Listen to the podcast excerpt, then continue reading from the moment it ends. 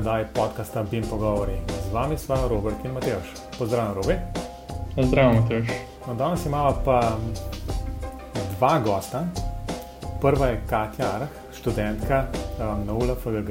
Zdravo, Katja. Zdravo. In drugi je pa še Jure Česnik. Um, Jure pa že bil gost v 92. oddaji, um, tako da je Jure zdravo še enkrat. Živijo, živijo. Uh, mogoče za začetek, Katja, enih par besed, uh, da se predstaviš, da bo poslušalci vedeli, s kom se pogovarjamo. Okay. No, pozdravljen še enkrat. Uh, kot sem že omenila, profesora, sem študentka prvega letnika magistrskega študija gradbeništva, smer gradbene konstrukcije.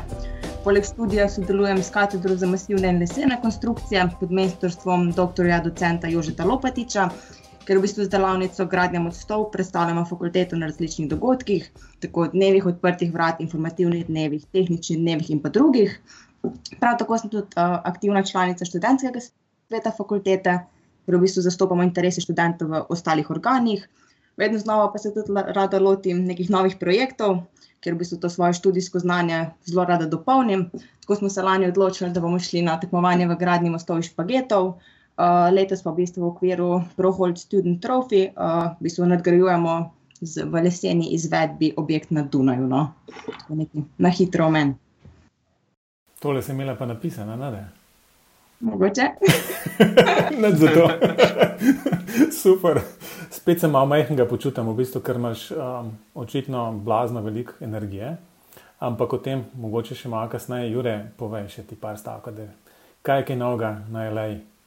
Uh, uf, uf, ne, le je ogromno. Pol sem je dal dveh stavkih. Um, mi smo spelili temo za podcast o tem.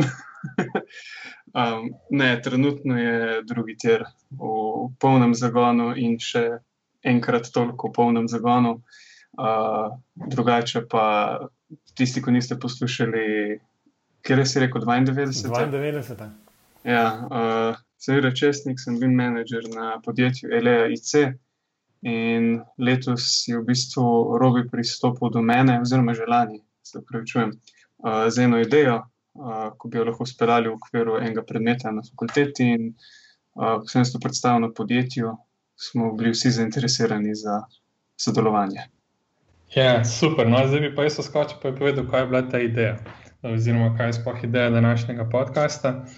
Uh, mi dva z Matežem smo posneli že 110 teh oddaj podcasta BIM Pogovori, pa smo zelo majkrat govorili o tem, kako pa se mi lotevamo poučevanja BIM-a na ULFGG. Uh, zato je ideja, da predstavimo en pristop k poučevanju, ker vemo, da je BIM tako zelo široka tema, pa zelo interdisciplinarna. In v okviru enega predmeta, ker ker jaz vodim seminar, uh, v bistvu predmet nosilce pa profesor Žiga Turk, ki je tudi bil že dvakrat gost na tem podkastu.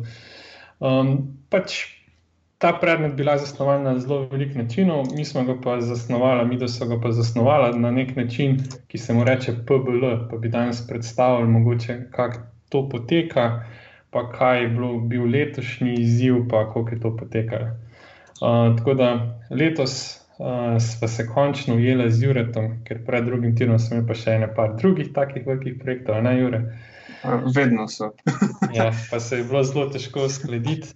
Um, pred leti smo imeli tudi s podjetjem PNZ en tak projekt, so študenti delali en njihov projekt in to je bila neka obvoznica Bled. Letos so bili pa na leji tako prijazni, oziroma Jurek je bil tako prijazen, da nam je priskrbel materijale uh, za en en del projekta Karavanke, seveda ni bil tunel, ampak je bil pred tunelom. Uh, Katja je bila pa tista, ki je morala potem črničiti, da se je ta projekt izvedel, ne seveda z člani svoje skupine. Uh, pa bi mogoče, Jure, če bi lahko par besed povedal o tem, katere podloge ste študentom dali, pa bi pa jaz mogoče predstavil, kakšne izzive so imeli. Ja, definitivno. Um, dejansko smo se na LA odločili, pač, kateri projekt sploh dati, uh, kateri bi bil zelo kompleksen, pa skrati uh, dovolj še vedno enostaven, da ne preobremenimo študentov, ker seveda ni jasno tega predmeta. Um, pa da dobimo neke mogoče lušne rezultate ven. In, in pred karavankami so tri mostovi. dva sta regionalna, oziroma en je za pešce, pa kolesari, en je pa na avtocesti. In ta na avtocesti, ko bo zgrajen usporedno z že obstoječim, je glih dovolj kompleksen, se nam zdi za študente, da bi lahko pokazali. Pač ne, ne samo kaj znajo, ampak tudi malo kreativnosti. In za podloge smo jim tako dali uh, geodetski posnetek obstoječega stanja, se pravi, obstoječe ceste, dostopne avtoceste, obstoječ most, uh, plastnice in pa tudi portali in okoliš, uh, potem pa potek, uh, se mi zdi, da PGD potek avtoceste. Uh, in pa nazivne mere skupaj z, meni se zdi, prečnim in vzdolžnim prerezom, uh, ne GD, pa IDP-ja uh, mostu, z nekaj detajli izbrisanimi, vendar ne bi bilo prelahko. Ja, no, in uh, kaj te sem mogoče zdaj smeji že. Uh, no, in ta predmet, kot sem že omenil, je zasnovan po principu PBL kar pomeni PBL je kredica za project-based learning, oziroma tudi project, people, process, pa ne vem, koliko teh pojev je. Enkrat smo jih našteli 13, če se ne spomnim, eh, če se prav, prav spomnim.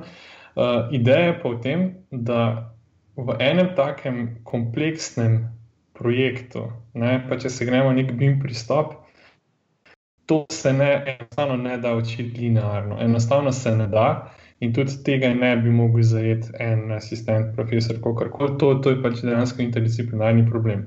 In pri predmetu računalniško integrirana graditev, o katerem danes govorimo, imamo to srečo, da imamo dve skupini študentov. Eno so gradbene konstrukcije, konstruktori, drugo so pa nizke gradnje. Ne? In to je bilo idealen projekt, Jure je tudi to vedel, zato so tak projekt izbrali, verjetno. Ne?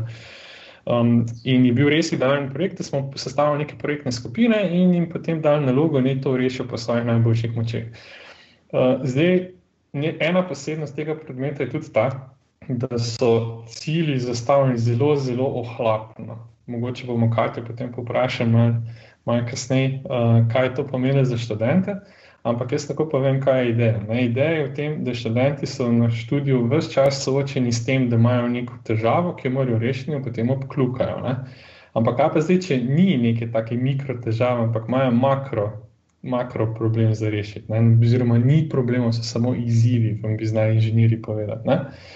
Uh, no, in izkazalo se je skozi vsa ta leta, jaz imam ta predmet zdaj že skoraj skor deset let. No, uh, Čez vsa ta leta se je pokazalo, da ni največja težava v znanju študentov, ampak sta dve težavi. Ne? Ena težava je v motivaciji, druga težava je pa v tem, da enostavno ne znajo reševati, ne znajo reševati izzivov, eh, če jim jih nekdo ne razstavi na prav faktorje. No, in to se mi zdi, da lahko povem, ko so že vsi končali, pa so že dobili cene. Ne? To se mi zdi najpomembnejši dejansko najpomembnejši cilj tega predmeta. Ne, da znajo v bistvu nekega makroproblema sestaviti neke mikroproblemčke in jih potem rešiti in potem nazaj predstaviti na vrhalo. Um, in to smo tudi naredili letos, sestavili smo skupine. V vsaki skupini so bili gradbeni konstruktori in nizkogradniki, um, običajno so bili tri, dva, ali pa tako kaj. Vse ja, tri konstruktori, dva, štiri, tako je na koncu dva, štiri, um, po enih uh, skupinah. Uh, in potem od tam naprej sem imel popolnoma proste roke. Um, potem je bilo seveda nekaj korakov, mi pa neki triki, da so se povezali kot skupina in tako naprej, ampak to je v principu to, to je vse. Tudi njim predstavim celotno idejo celega seminarja, mislim, da v 15 minutah, potem je pa še pol ure čudno gledati, kdaj bom povedal, kaj treba narediti. Okay. No, in to je to. To je bil edini scenarij za letos, predstavil ga je Jure, pa pomagal nam je tudi Luka Gradišar, ki ga tudi poznate, že je bil že dvakrat, mislim, na gost na podkastu. On mi je tudi pomagal. In od tam naprej so študenti štarte. Zdaj pa mogoče najprej Katijo izval, kaj, kaj so si najprej mislili, ko so dobili ta izziv.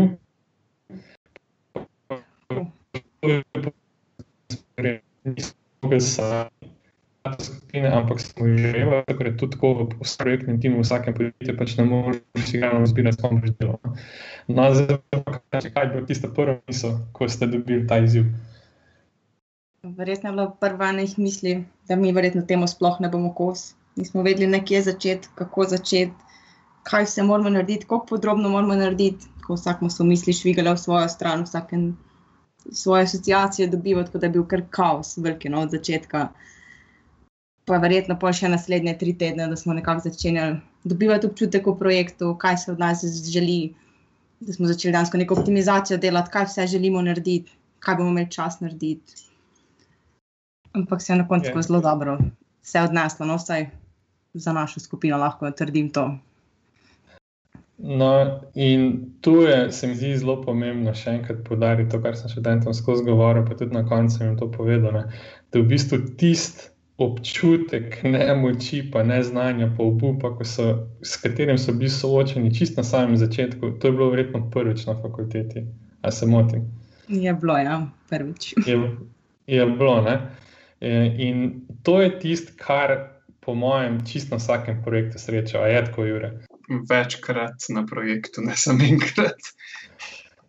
Ja, no, ampak to je na začetku, je, ko dobite nek projektni, ne vem, nek razpis, kako koli, in tam noter je približen tak scenarij, pa približen take podloge, kot so dobili študenti, no, in zdaj tukaj se pa znajte. Ne? In jaz vedno rečem, pač, ali boste splavali, ali pa ne boste, ne, seveda se pomaga, tako da vsi splavajo, vsaj do, do obale, če ne še kam dlje.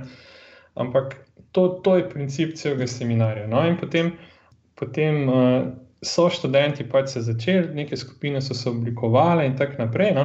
In jaz bi mogoče vprašal, Katja, kaj je bilo tisto prvo, kar ste morali rešiti v skupini? Kdo bo odgovoren, kdo bo vodja, kdo bo usmerjal mogoče skupaj. Ko bo mogoče malo več odgovornosti sprejel, pa malo gnal skupino naprej. No. To je bilo, mislim, dejansko prva enih stvari, ki smo jih dorekli. No potem smo pa začeli dejansko z željami, kaj bi kdo želel od nas, kaj bi se kdo želel naučiti, kaj koga bolj zanima. In smo v bistvu tudi v tej smeri pol nadaljevali, v sklopu tega so se naloge delile. V bistvu na podlagi želja, potem pa seveda stvari, ki jih doben noče narediti, jih je pač nekdo naredil. Ne? Ja, stvari, ki jih noben noče narediti, zdaj, če sodim po tem, kako so manj ljube. Tiste, tiste, kjer je dejansko treba nekaj narediti, kar te ne zanima. Ne? Čak, sam, da nismo dorekli, kje so te naloge, ne? Ker to bi bilo zanimivo slišati. Kaj, kaj je tisto, kar ste se najbolj branili delati? Uf, se je pa že toliko časa, pa toliko stvari je bilo vmes. V bistvu ja, pač nismo imeli le en mesec. Ne, pač prav največje probleme smo imeli z armaturo, ker smo jo nekako želeli se je lotiti.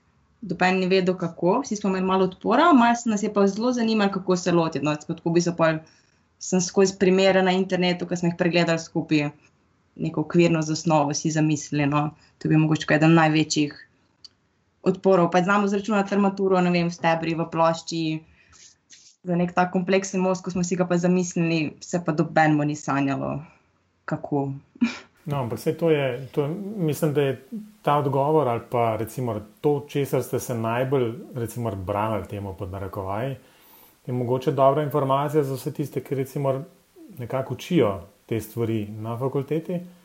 Pač morda to pomeni, da enostavno študenti ne pridobijo do znanja ali pa ni, ni v takšni obliki, da bi ga zelo enostavno lahko uporabljali. No. Zdaj, zdaj to jaz ugibam. Ne?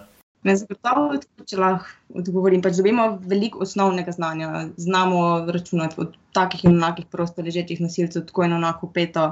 Ampak tako nekega kompleksnega projekta se nismo še nikoli z njim sestavili, ker nas dejansko na osnovah učijo, da bomo enega dneva znali posplošiti. Smo bili dejansko prvič vrženi v vodo in je mogoče iz tega stališča mogoče to tako predstavljati nek veliki izziv. Osnove znamo verjetno vsi računati, vsi upam trditi, pa tako neke kompleksne stvari pa, pa še ne. No. Tukaj bi jaz dodal, da v bistvu Sem, mi smo najeli tiste detajle, ko sem rekel, smo zbrisali nekaj detajlov, nismo zbrisali. In to je bila v bistvu skoraj celotna zasnova IDP mostu.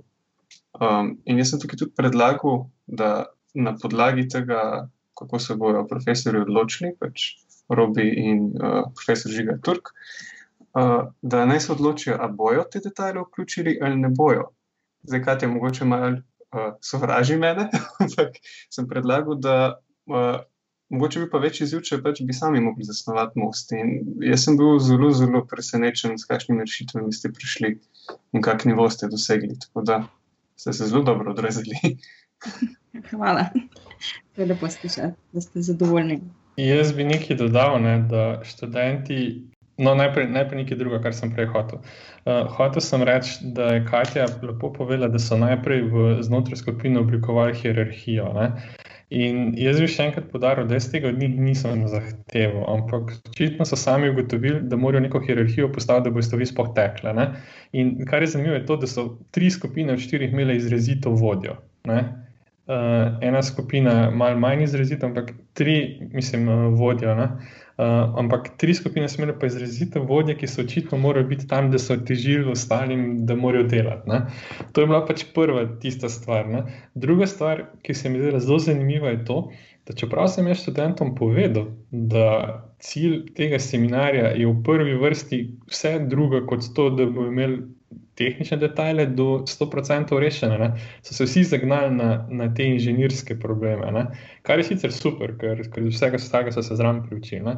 Uh, še tretja je pa to, da so se nalašč vmes majstri spremenili. Ko bo Katja potrdila, da so šele po dveh ali treh tednih dobili BIM menedžerja. Deloma je bilo to um, po nesreči, ne? deloma je bilo pa to na lašč. Zdaj, zakaj, da povem, zakaj na lašč.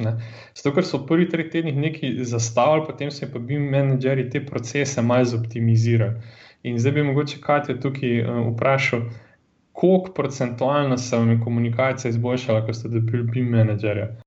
Jaz moram na tem mestu našega Marjota res pohvaliti. Mm, se mi zdi, da je v primerjavi, mogoče to zdaj krivično od drugih, ker tudi ne vem vseh detajlov, ampak nam je res veliko pripomogel. Prvo nam je BIM optimiziral, uredil nam je CD okolje, ki se nam je mogoče zdelo od začetka malo bolj komplicirano, ampak smo v bistvu potem dojeli te prednosti, urejenost map, struktur map. Uredil nam je v bistvu vse aplikacije, da so nas zmeri opozarjali, kdaj se stan, kaj se je dogovorilo, kadarkoli si rabo, ne vem, kratek povzetek sestanka, ga izmeri spisal. Tako da dejansko je Marijo, mislim, da kar se tiče komunikacije, pa tega našega CD okolja, res, res veliko prispeval. No in smo se morda tudi njega veliko dobili možnost naučiti stvari, ki bi jih verjetno šele kasneje potem spoznali. No. Ja, no, zdaj, Jure, lahko tukaj kaj doda, ker zdaj, zdaj smo skupinam na, na tak zelo plastičen način predstavili, kakšne vloge bi menedžerja. Um, pa me zanima, Jure, a, a misliš, da je kakršna koli druga boljša možnost, da se študenti dejansko naučijo, pa vidijo, a, kako pomemben je dober bi menedžer v praksi? Po mojem, boljše, kot so skozi projekt, je ni. Pač, lahko je še en kup predavanj, pa še en kup primerov, pa lahko so vabljeni predavatelji, pa predstavljajo projekte. Ampak dokler se ne vidi, da rabi se eno osebo z nekimi ali specialnimi znanji, ali pa z nekim občutkom za menedžiranje. Um, in, to, in se to pokaže na projektu, na katerem oni delajo, z boljši priložnosti, ni. No. Pa tukaj ni govora samo o BIM menedžerju, predvsem o tej vlogi vodje, ali je to informatik, ki vodi, ali je to gradbenik, ki vodi. Te vloge so vedno, vedno tiste, ki bodo vlekle projekt naprej. In študenti so imeli pač zdaj res možnost videti v živo, ne, pa na svojem lastnem projektu, kako lahko delaš na dva različna načina. Ne. Potem so bili pa še taki triki, da so dobili to sploh ne vem, če Jure ve, ne? ampak vse skupine so dobile za podpisati potem pogodbo vmes. Tako pa na par tednih. Sem jo videl. A si jo videl? Sem jo videl. No, in tisto, tisto pogodbo. Tisto pogodbo noter je tako ene par stvari vsebovala, ne? in me zanima, če bo tiste stvari opazila. Zdaj, Katja, ki je danes tukaj, njihova skupina je bila zelo kreativna in so si neke ocene noter popravljali, pa roke, pa neke penale za mene, kot investitorja, so noter dajali. Eh, ampak meni bo to všeč, zato ker se dejansko vidi, da so prebrali. Um, po drugi strani ni pa nobena skupina tip, tipkarskih napak popravila. Zdaj, jaz sem jih opazil, ne, ampak jih nisem popravil, ker me zanima, koliko boste natančno prebrali. Dopušča možnost, da, da niso popravili, ker niso upali, pa se mislim, da ne smejo. Ne. Ampak tako. No. Um, in kar je bilo meni zanimivo, je to, ne, da ene skupine so tako v roku par dni tisto pogodbo lepo podpisali, vsak je mogel podpisati. Ne. So se zorganizirali, podpisali, da je tako naprej. Ne. Ena skupina je imela pa kar malo probleme podpisati, no, ampak zdaj lahko povem, če je bil trik. Ne. Trik je bil tem, da sem jaz videl, kdo, kdo komunicira, kdo pa ne. ne. Uh, in tudi, ne vem, samo opazil, da niso vse pogodbe čisto podpisane. No. Uh, tako da, čeprav eni, eni verjetno ne vejo, da vem.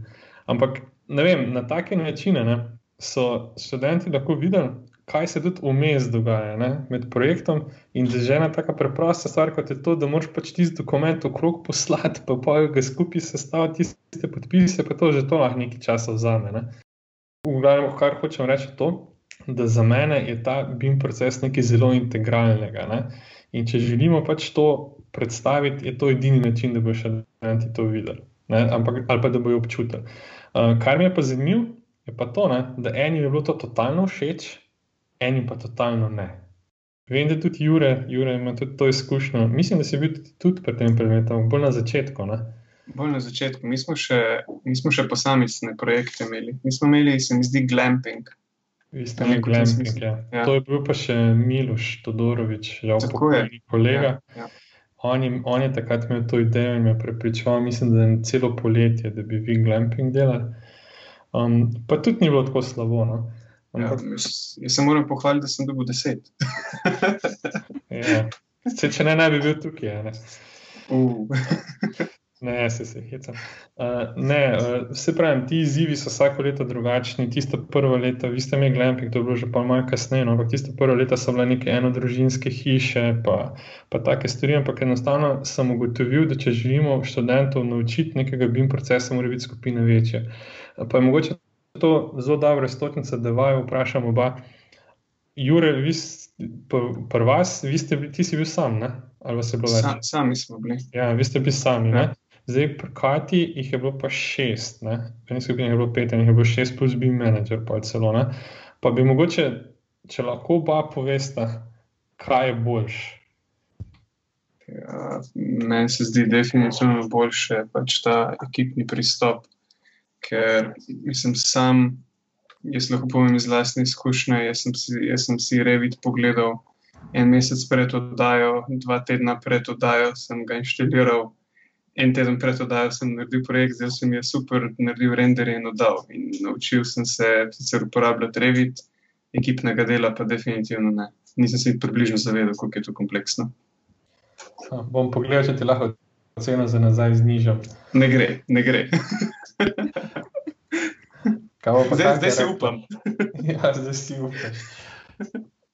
Ja, meni se zdi zagotovo no, ekipno delo, da se ga dejansko naučimo.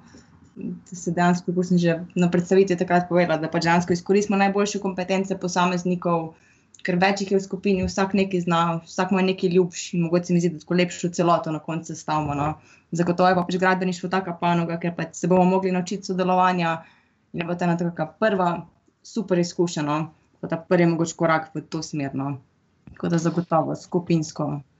Um, eno vprašanje je, zdaj, ker smo bili pri tem skupinskem delu, lahko tako malo bolj plastično opišeš, kako se je to dogajalo, v bistvu iz tedna v teden, kako pogosto ste se dobivali, koliko časa je bilo treba kaj čakati, um, ste imeli kakšne probleme vmes, v bistvu, glede samega tega sodelovanja me bolj zanima. Ne? V bistvu, mi smo imeli že od začetka, smo imeli v bistvu enkrat tedensko skupinske sestanek, kot z BIM menedžerjem, kot pač vsi člani. Potem smo se pa v bistvu takrat vse naloge razdelili, povedal se je naprej, kaj se je do takrat naredilo, določili so se roki, kdaj je treba kaj narediti, tako pač bolj iz makronivoja. No. Pač je treba narediti, vem, ta odsek ceste, je treba, vem, opornike zdimenzionirati. In so v bistvu takrat določili roki, potem se v bistvu pod temi podskupinami, posebej nizke gradnje in posebej konstruktivci, smo se pa verjetno dobivali potem še včasih tudi dvakrat do trikrat na teden, no, pod kot dve, tri ure skupaj da smo debatirali, da smo pregledali, kaj skero literaturo smo pregledali, ko smo kontaktirali ostale profesorje. In v bistvu potem se, ponovadi smo se v ponedeljkih ali pa nedeljah dobivali, no, da smo določili tedenske plane. No. In moram reči, da so se jih kar super držali. No. Če, v bistvu, če kdo ni mogel, je prej sporočil, smo vedeli, smo se temu prilagodili, tako da je res funkcioniralo. No. Glede na to, da ste letos imeli full velike skupine, ne? a je bilo to prevelik ali je bilo to ravno prav? Ker, um, tako, vse na koncu tudi povedal. No, jaz vsako leto tem študentom jih povprašam za nazaj, kaj bi izboljšal, pa tako naprej. In sem dobil sedaj, da se bo 25 študentov, sem dobil 25 mnen. Ampak me zanima pač, kaj ti na mnenje. Ali je šest preveč, ali je v redu, ali kaj bi, pa tudi Jure, kaj, kaj meni, da je šest. Mislim, stališče neke ekipe, pa, pa nekega podjetja je to verjetno ok, ampak tako stališče študenta. No, zanima me, kaj oba dva menita. No. Mislim, težko je reči, ali je šest preveč, če je šest premalo. Če imaš pet sošolcev, s katerimi ne najdeš skupnega jezika, nimaš podobnih interesov, pa iste zagnanosti, je pač že šest veliko preveč, lahko že dva preveč. Če imaš pa super ekipo, ki se razumeš, ki sodeluješ, ki si, mogoče, si želite podobnega napredka, je pa še super. Tako kot bi lahko deset super skupaj lahko delovalo, tako da moče odgovora čist. Je težko nekaj splošnega tam. No? Je pa zelo odvisno od skupine, s katero si želje, ki jih imaš. Jaz bi tukaj pa rekel, da v bistvu dobro za ta projekt, mogoče ima specifika, ampak iz prakse bi pa rekel, da vedno rabiš toliko ljudi, da se čuti tisti mali pritisk od zadaj. Če je preveč ljudi, potem se ne ve točno, kdo kaj počne. Um, je zmeda, če je premalo ljudi, se skurijo. Uh, tako da vedno je tisto, neko idealno število pride ven. Um, Jure, sem zdaj mogoče čist praktičen. Um, koliko bi jih recimo v okviru vašega podjetja sodelovali pri, pri enem takem projektu?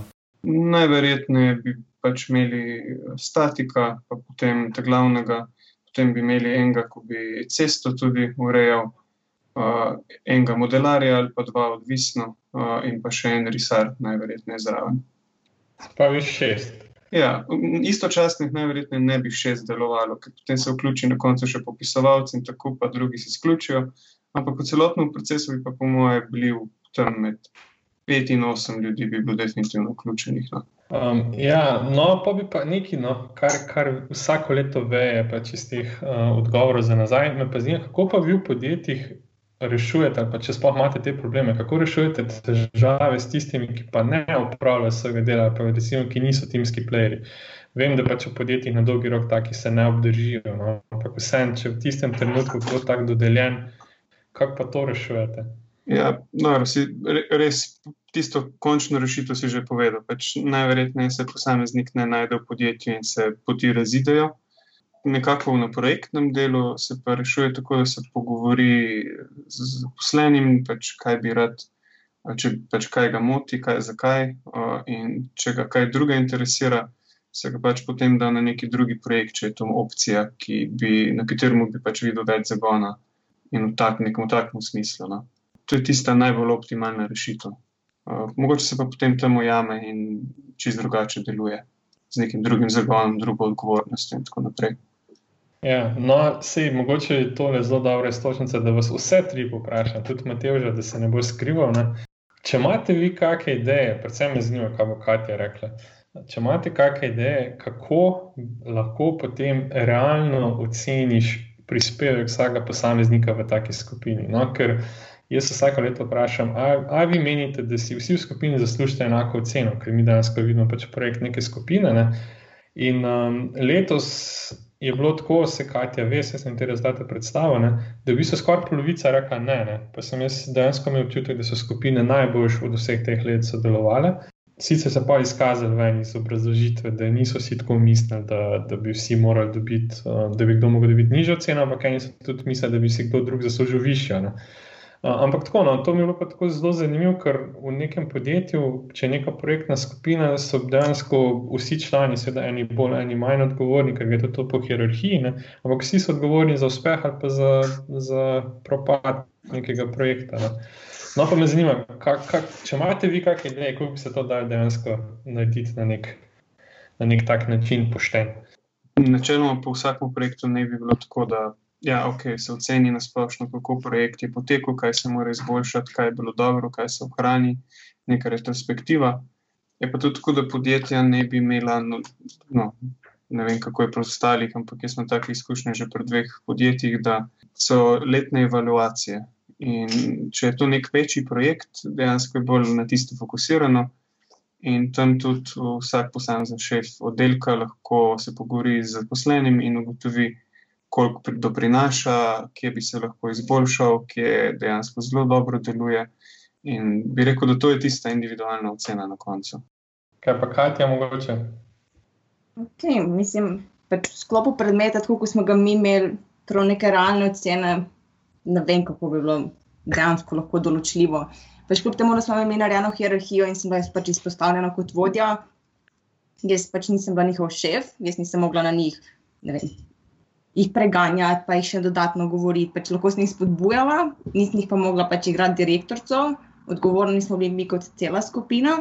Tako da mislim, da v sklopu tega študijskega procesa smo mi še vseeno vsi enako vredni člani, ki ima vsak svojo vlogo in je v bistvu bolj na posamezniku, no, po mojem mnenju. Da pač, če vidi, da skupina deluje, da tudi sam pokaže neke dodatne inicijative, volje in v bistvu primore, oziroma prispeva boljšemu delovanju skupine. No. Ampak nam, se mi zdi pa, da na pač ravni podjetja je pa to veliko lažje no, uredljivo, kot pa v študijskem procesu. To se definitivno strinjam. Bi pa mogoče me še zanima, kaj bi pa Matejš ocenil. Matejš, ko imaš še več izkušenj? Matejš se nagiba k odgovoru, ki je skladen z Juretovim. Je, sigurno to ocenjevanje, če se recimo po eni strani se ocenjuje, In je ta projekt vsem, tudi če traja en semester, je to relativno kratko obdobje um, in je zelo težko v bistvu nekako dejansko pravično oceniti. In razlikovati med nekom, ki bo dobil 10, pa med nekom, ki bo dobil 8 ali 9 ali kaj podobnega. Um, zelo težko. Ne? Tako da ne vem, samo ocenjevanje in podobne stvari absolutno tukaj lahko pomagajo. Je pa mogoče s tem povezano tisto, kar, kar meni načeloma zanima, pa mislim, da ni bilo še povedano, kako, so, kako je do teh skupin sploh prišlo. Kako so se teh 5-6 študentov zbrali skupaj v eno skupino? No, v bistvu je Lukas pisani generator, ki je random skupaj vrže ljudi in se v bistvu čist na ključno smo bili izbrani. No. Mi smo se nad sami določili, razen Jaka, ena sošolska se je naknadno priključil, uh, ki je v bistvu sam lahko izbiral skupino. Ostali smo bili pa na ključno zbrani. Aj, spisal zdaj ne bom. Ne, ni spisal zdaj, ne bom napisal v Pythonu in to zato, ker je sam hotel. Jaz sem jo že napisal. Okay, okay. ne, ne, ampak hočem reči, da to, to um, tvorjenje teh skupin dejansko zelo nekako kaže, kako uspešne, recimo, kako so bile te skupine sestavljene, kako uspešni bodo lahko. Ne? Ker, kot je Katja prej rekla, Um, prvič, nisi bila ti njihov menedžer, ne, v smislu, da imamo pa ne vem, palco, pa da imamo jih terati. Um, si bila nekako enakovredna s vsemi ostalimi, um, oziroma ste bili vsi med sabo enakovredni. In se mi zdi, da v takšnih, v takšnih zadevah je najbolj pomembno, v bistvu, da imate dejansko neke skupne vrednote. Ne? V smislu biti točen, biti uh, natančen, biti to in to. Ne? In če tega ni, ne, potem pride do tistih težav, ko pa en začne malo zaostajati, pa meni se ne da danes delati, um, in tako naprej. Ne? Um, Najbrž ljudje v osnovi nismo takšni, da bi v bistvu se nam ne dal delati, ne? vsaj večina. Ampak potem so pač razlogi, ki nekoga mal oddaljijo od tega skupnega cilja, mogoče sploh ne zaradi um, nekih, um, nekih um, opremljivih razlogov. Ne? In to je tisto, zato, sem, zato je bilo tudi vprašanje. Ne? Ker, Robi, če se spomniš, zdaj smo tudi nekaj govorili o tem projektnem vodenju ne? in so te agilne metode. Točno to ste se bolj ali manj šli. Ne? Zato sem prej vprašal, koliko ste se dobili ne? na en teden. Ne? V bistvu se dela eno tedenske sprinte, bolj ali manj. Ne? In, in lej, super, super je slišati, da ste to sami do, sami do tega prišli. Je pa res, da so v takšnih ekipah ponavadi, enostavno tisti, ki ne delajo, v bistvu jih ekipa sama izločena. Zdaj v tem primeru, prva, to ni bila opcija, ker kaj. A bo zamenil ekipo, a bo šel, ne vem, a bo brez ocene ali ne vem kaj. Ne? Medtem ko v, v nekem okviru podjetja, pa ne bo še že ure nakazal, se pač z njim pogovoriš in, in vidiš, mogoče najde sebe, morda v kakšnem drugem projektu, ne, v drugi ekipi. Ja, tako je. Eno vprašanje za, za Katijo imam. Vi, pač, vi ste imeli eno tedenske, kar je že, že rekel, šprinte, oziroma sprinte. Koliko je bilo pa dejansko dela, tako, pač, če bi lahko oceniš, pa, pač, kako so se odločili za orodja in tako naprej. Meni je tudi zelo zanimivo, ker s tem se še niste nikoli soočali in, in najverjetneje je bilo to dosti težko se odločiti. Ja, se strinjam, ja, no, se je bilo kar težko odločiti. V bistvu smo prvotni plan je bil začeti v Revitu, pa nekako nismo našli nekakšnega skupnega jezika z njimi, smo se potem naknadno za Allplan odločili in pa Allplan Bridge, ker smo v bistvu tam neke prednosti smo videli, ki so se nam ti trenutek zdele zanimive. Če pa za nizke gradnje izpostavim, ste v bistvu že od začetka začeli delati v Civilu 3D. Uh, in potem ste v bistvu naknadno dobili ta slovenski template, da jim je omogočilo lažje delo še naprej. No. Se je pa spremenjalo zagotovo. Uh, proti koncu, ko je treba vse skupaj združiti, smo imeli pa pač malo kaosa, uh, smo od Revita, All Plano smo poskušali, Navisworksu, da smo potem nek skupni produkt na koncu dobili. No. Ampak je bilo pa zagotovo izziv, ker pač v naši skupini dejansko dobeni znal uporabljati teh programov in smo mogli z nule štartati. Tisoče in tisoče tutorialov na, na YouTubu smo pogledali, priročnike poiskali, da smo nekako zalaufali vse skupaj, da smo se sploh naučili uporabljati te osnove v programu. No. Kaj pa za komuniciranje? Komunicirali smo pa v bistvu aplikacijo Slack, kjer so bili vsi ti sestanki, pa te glavni dogovori, noter dogovorjeni. Neuradno smo se po Facebooku tudi malo slišali, se za samo CD okolje smo imeli pa Google Drive določeno, ker so se vse te glavne datoteke gor objavljale in v bistvu vsaka informacija o projektu je bila vsak trenutek vsem dostopna. No? Tako nam kot izvajalcem, kot tudi naročniku. O, tudi naročniku. Oja, oja. to je bila posebna zahteva. Oja. Jaz bom sam na tem mestu dodal, da Katina skupina je dobila nagrado za najbolj izvirne zapisnike sestankov, ostala bo pa med nami, ostala nekaj. Dobro, hvala. Ampak lahko pa malo nakažeš, ne? to bi pa bilo, ne, Katja. Tudi. Ja, jaz bom samo rekel, že prej omenila, da so jako sprejeli uh, v svojo skupino, ne in jakaj dolgo je mogel plačati zelo visoko ceno za to, da je lahko se pridružil. Ja, ste imeli, pres, imeli skoraj prestopne roke. Okay. ne, ne vem, če je pa mogel to dejansko uh, odplačati ali ne, ampak jaz sem v bistvu se na glas smejal, ko sem to bral. Ja, Jaz bi mogoče samo. Zapisniki, malo za res, pa malo za hec pisani, no, v bistvu, da je bilo tudi malo sproščenega vzdušja, pa da smo se zabavali zraven, kljub temu, da smo v bistvu trdo delali, se mi zdi, da je pač malo lažje, če je malo bolj sproščeno, pa se vsake toliko malo nasmejiš, pa se v bistvu delo lažje, pa še z večjim zagonom naredi. No. No, in točno to sem jaz od samega začetka govoril, ne, da si pač naredite projekt, ki bo vas motiviral. Ne. In pač velik, mislim, letos je kar da skupina to uspela, če sem bil najbolj vesel. Jaz bi mogoče sam nekaj za nazaj dodal, no, za tole izbiro skupin. To, da smo jih žrebali, to ni bilo na ključno. Uh, tule smo dva, ki smo bili na Stanfordu, pa smo dali skozi šolo, profesor Renate Fruhter, pa lahko tudi Jure potrdi, da na Stanfordu, ko smo bili na PBL-u, smo v bistvu cel dan se neke igrice igrali, predtem so oni sploh sestavljali te skupine. Ja. Um, in, to, in te skupine so bile sestavljene na lašč, na tak način, da je bila vedno bila ena izrazita favoritka. A je tako, Jure?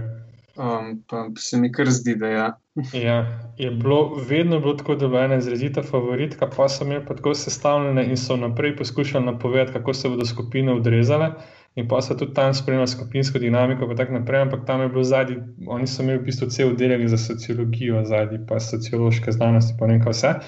Um, jaz sem pa enostavno ugotovil, da pri nas v Sloveniji nimamo tega privilegija, da bi lahko skupine na tak način sestavljali, ampak se moraš znati z ljudmi, ki so ti dodeljeni. In zato sem začel prakticirati uh, in žrebam. Ne? Zakaj pa žrebam? Zato, ker sem gotovil, da če ne žrebaš, pa jim pustiš, da se sami v skupine določijo, potem se vedno prijatelji med sabo najdejo. Ne? In v bistvu na tak način neč ne napredujejo. No? In to je ideja zadnji za skupinami, zakaj se žrebajo. In letos sem bil ful vesel, ker jih je ful veliko napisal, da so ful veseli, da sem to naredil, ker so dejansko spoznali sošolce, ki prej niso. Ja, se na tem mestu res strinjam. No, je to dobra praksa, ki jo predlagam še za naprej. No. Ja, vse mislim, da, sem, da bom to tudi prakticiral, čeprav moramo tudi povedati, da pa je bilo zelo nezadovoljnih, ampak vedno je en procent ljudi, ki pač niso navajeni timsko delati, ampak, ali pa se niso navajeni prilagajati in jaz pač žal vsem ne morem ugoditi. No. No, to, to je bila ta ideja zadnji za skupinami. Pa še malo bi programe pokomentiral. Ne. Jaz nisem nič sugeriral študentom, enostavno nisem nič sugeriral, razen leta sem pa res All Plan Bridge sugeriral. Ste ga omenili, ja. Ja, no, in na laž sem to naredil, ker me zanima, če ga bo kdo, če ga bo kdo dejansko poskusil. Zato, ker o All Plan Bridgeu na fakulteti ne slišijo nič. Itak je to nek produkt, ki je star, mislim, da štiri leta. Uh, in me zelo zanima, če se bo to lotil, in letos se ga je lotil pač ta um, študent Jaka, ker ga je to res zanimalo in moram reči, da mu je zelo dobro uspel. Ali bo to še naprej uporabljal, ne, ne vem, ampak dejansko se ga je v treh mesecih toliko naučil, da so, da so nekaj naredili z njim, ne, kar je super. Um, bi pa še enkrat povedal, ne, da cilj te, tega seminarja je, rečemo, da je manj kot 50% izdelek, vse ostalo je pa sodelovanje. No? In, tako da to pa mislim, da, da smo letos, vsaj letos, pa tudi kako leto prej, smo pa dosegli. No? In če zdaj pogledamo na tak en BIM proces zelo na široko, ne, to bomo pa mogoče Jurata povprašali, je sodelovanje pa komunikacija več kot 50%. Učinkovito sodelovanje, bomo tako rekli. Mm, ja, jaz bi rekel, da v bistvu je tu predpogoj. Sploh. Ne, mo ne moremo ceniti s procentom, ampak če pač ni tega v projektantski skupini, pa ne bo to znotraj enega podjetja, med različnimi podjetji, zunanjimi in tako naprej, brez te komunikacije ne gre. Pač ni projekta na koncu. Ja, no, zdaj iščem eno, eno kratico, ki bi na BIM šlo, pa da bi bila komunikacija, pa sodelovanje, vmes pa se neč ne spomnim. Ampak ja, ok. Information je tam vmes in pretok informacij je ključnega pomena. No, to, to bi jaz rad predal naprej, mogoče vsem sedanjim, potencijalnim, bivšim študentom. Komunikacija je ključna. Um, v redu, uh, zdaj bi pa še sam nekaj dodal, kar mogoče niti noben od vas ne ve. Ne? Uh, eno zanimivost za konec. Uh, jaz sem na Twitterju pred kakima dvema tednoma zasledil neko breaking news, ne vem, kaj gor pa dol. Ne?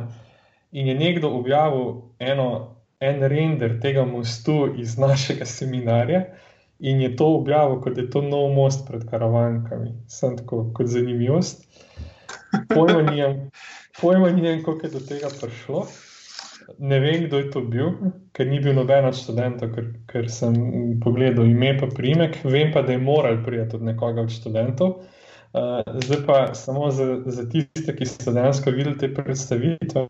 Ne, to je bil tisti most, tisti lok, ki je bil narejen v, v Dynamo. Se spomnite. Tisti je lep. Ja.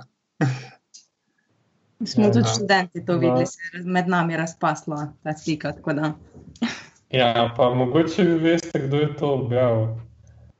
O, jaz v tem nisem nič slišala. No? Okay, no, v redu, zato ker je požari port, pa tako so imeli, so to oh. gorda, kot da je ušel v render. No, tukaj moram reči, da me veseli, da je prišla kakšna taka zadeva ven, ker uh, pred približno enim letom smo bili pozvani, glede na to, da, pa, da so bile karavanke pač javni projekt, uh, da zakaj študenti nimajo nič od tega na srednjih šolah in fakultetah. Uh, in zdaj imamo dokaz, da imajo nekaj od tega. ja, no, to lahko Katijo vprašamo, če imajo kaj od tega.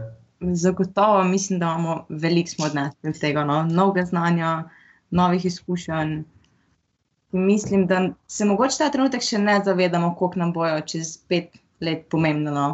Ja, no, jaz bi samo nekaj še dodal, da smo imeli letos ta privilegij ali pa to srečo, da se v tem te končnih predstavitev uh, udeležil tudi Jure kot predstavnik podjetja in je na koncu še dajal tudi njihov, njihov uh, izdelek pokazal, ne, da so lahko sami videli, kje so bili blizu, kje so mogoče drugače zastavili. Pa tudi eno, eno tako interno tekmovanje, smo imeli, pa ni bilo tekmovanje. No, ampak tako, morali so narediti oceno stroškov. Uh, in, in smo potem z zanimanjem poslušali, kako je, je pa dejansko njihovo ceno, Elejno ceno, stroško Jure predstavil. In kaj bomo rekli, da v bistvu niso tako fuz zgrešili. No? Glede na podatke, ki so jih imeli, sploh niso tako zgrešili. In jaz sem na začetku rekel, da če bo velikostni razred to jedel, bom jaz zadovoljen in mislim, da so ga vsi ujeli. Ja, um. Lahko rečemo, da je bil ta projekt iz večjih vidikov uspešen. No? Ja, če, če, če, se mi zdi, da če vse skupine seštejemo, končno ceno pa delimo številom ekip, so prišli zelo blizu. Skoraj točno. Niso bili kar točni. Kar točni so bili. Ja. Ja, no, tako da, da so lahko sami na svoji koži videli, kako lahko en tak um, mal večji projekt z velikimi glavami pripeljejo do konca, in da so bili dejansko blizu temu, kar, kar so delali eni profesionalni um, uh, inženirji, in da so lahko v bistvu ponosni na svoje znanje, ki ga seveda moraš še nadgraditi, ampak da se bodo lahko zdaj veliko lažje vključili v nek BIM proces, pa neko projektno skupino. Tako da to bi bil moj zaključek tega seminarja. No. Zdaj sem še, še odvisno od tega, pa Jure, lahko ti mogoče to, to odgovoriš. Kjer rešitev bi izbral? Najcenejšo ali najdražjo? Zdaj le, sam iz glave. Le. Mislim, jaz, bi, jaz bi tisto, ki je projektantska skupina karavanke, da druga cel naredila. No, to, to, to se strinjam s tabo, ne? ampak hočem, mislim, jaz, jaz veš, ker sem pač ločen od tega in nimam opravka s to projektivo, uh, pa pol si v bistvu to upet samo skozi ne vem, kakšna poročila, ne? pa je tam zmer govora, kako je un predlog oziroma pač un una ponudba za 10 milijonov cenejša, una je za 20 milijonov dražja in ne vem, kaj še vse. Ne? In to, to me zdaj, ne, veš, na takem relativno majhnem primeru, v bistvu, je res takšna razlika, da je tisti, ki je bil najdražji, res recimo toliko bolj kvaliteten, tudi projekt izdelan, kot tisti, ki je mogoče najcenejšo varianto ponudil. Odvisno, odvisno je tudi, ne vem, jaz bi rekel, od drugih zadev. No?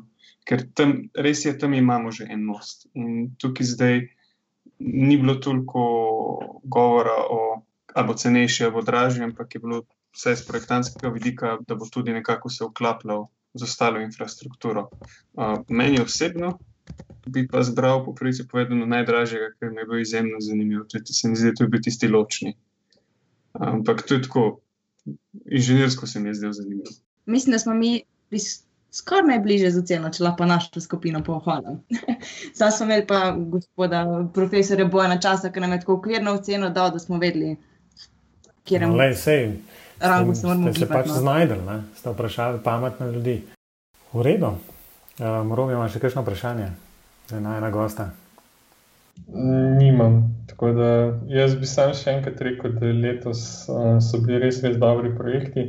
In tako kot sem tudi študentom rekel, da pa um, z, z še malo korona bonusa, ki so si ga prislužili, so vsi mislim, da dobijo zelo lepo ceno. No. Ne bomo pa javno, ne? to je pa GDPR in tako naprej. Dobro, um, je noč. Tole, tole, zdaj kaj? Mislim, da bo kar zadnja oddaja podcasta Bim pogovarjal v tej sezoni, če to sezono pod navednicami lahko pojmujemo do počitnic da se BIM pogovori poslavljajo do um, jeseni oziroma do začetka septembra, ko nadaljujemo z novimi vdajami, novimi um, gosti in predvsem bomo preverili, če ste bili kaj pridni čez počitnice in se kaj novega naučili. Um, Jure, Jure, moram vprašati tebe. Ne? A si už našel kaj časa za kakšno stvar, ki jo med letom recimo nimaš, pa bi mogoče čez to, čez tele počitniške mesece pod narekovaji, um, si že kaj novega zbral, kaj novega naredil. Zmeraj so novi projekti. ne, to ne velja. Ne. To ne velja. Ja, to ne velja. Ne, velja. um, ne čisto tako uh, osebno, po moje, bom mogel malo nadgraditi svoje znanje Pythona. no, lepo. ne, ne, resno, resno. Moram, moram se urediti ne samo, s, uh, samo malo nadgraditi znanje, kot tudi urediti celo knjižnico svojih funkcij. lahko, napišeš, lahko napišeš program, ki bo naslednje leto izbiral študentom skupine. Lahko. kaj, te, kaj pa ti, poleg tega, da uh, imaš vse izpite končane, oziroma jih boš imela do, do poletja? Zelo želja, kakšne dodatne izkušnje dobiti, no? ker se mi zdi, da so pa te zdaj že na moji točki študija, pa že ključne. Pa mogoče malo bolj ugotoviti, kaj si res želim delati, pa se mogoče usmeriti v to smer. No verjetno bodo to delovne počitnice, malo bolj kot ostale do zdaj. Torej, skratka, bila 116. oddaja in bim pogovorov. Najlepša hvala obema gostoma, Katja in Jure, bila sta fantastična. Ode, vse povezave in kontakte in tako naprej bodo zapisani v zapiskih. Tako da vsi vabljeni na spletno stran bimpogovori.com. Če imate pa kakšno vprašanje za naj z robjem, vsekakor na info.afna.bimpogovori.si, uh, mail bo oba dobila in uh, z, vesele, z veseljem odgovorila. Um, še posebej, če prijete s kakšno idejo za nove oddaje v septembru. Do takrat pa lepo se majte, pa prvo ste si tudi počitnice vmes. Adijo. Adijo. Adijo.